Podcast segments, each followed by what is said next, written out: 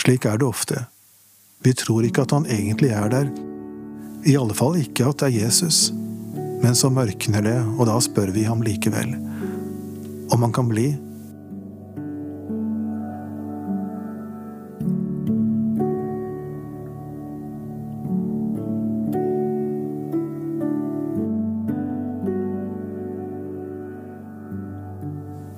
To menn er på vei til Emmaus, Lukas 24. En tredje slår følge med dem, men de merker ikke at det er Jesus. De snakker med denne mannen om alt det voldsomme som nettopp har skjedd, da Jesus ble korsfestet og døde, og om ryktene om hans oppstandelse. De kommer fram til byen, og da ber de mannen om å bli med dem inn. Jesus blir med, og først da, når han ber over maten, forstår de hvem han er. Det kan være slik. Han går sammen med deg uten at du forstår hvem han er. Du snakker om noe som har hendt, du er i sorg og fortvilelse, eller du er forvirret over gode rykter, kanskje om Jesus. Men så blir det kveld, og det er rart med det. Du ber han som du ikke trodde på, om å bli med deg inn.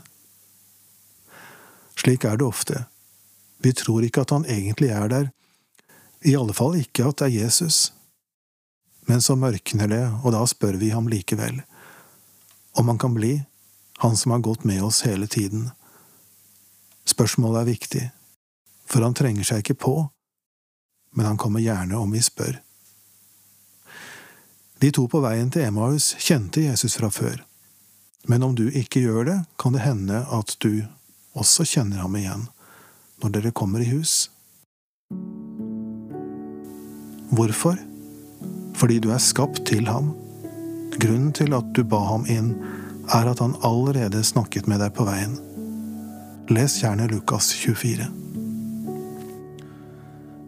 Du har hørt en andakt fra boka Vandrebok. Boka kan du få tak i på Media Forlag, på nettet, eller du kan høre i en bokhandel. Jeg heter Sverre Skilbreid og har skrevet boken. Jeg er nettverkspastor i nettverket til menigheten Jesusfellesskapet i Bergen, og jeg er også lærer ved bibelskolen Impact i Bergen. Da høres vi.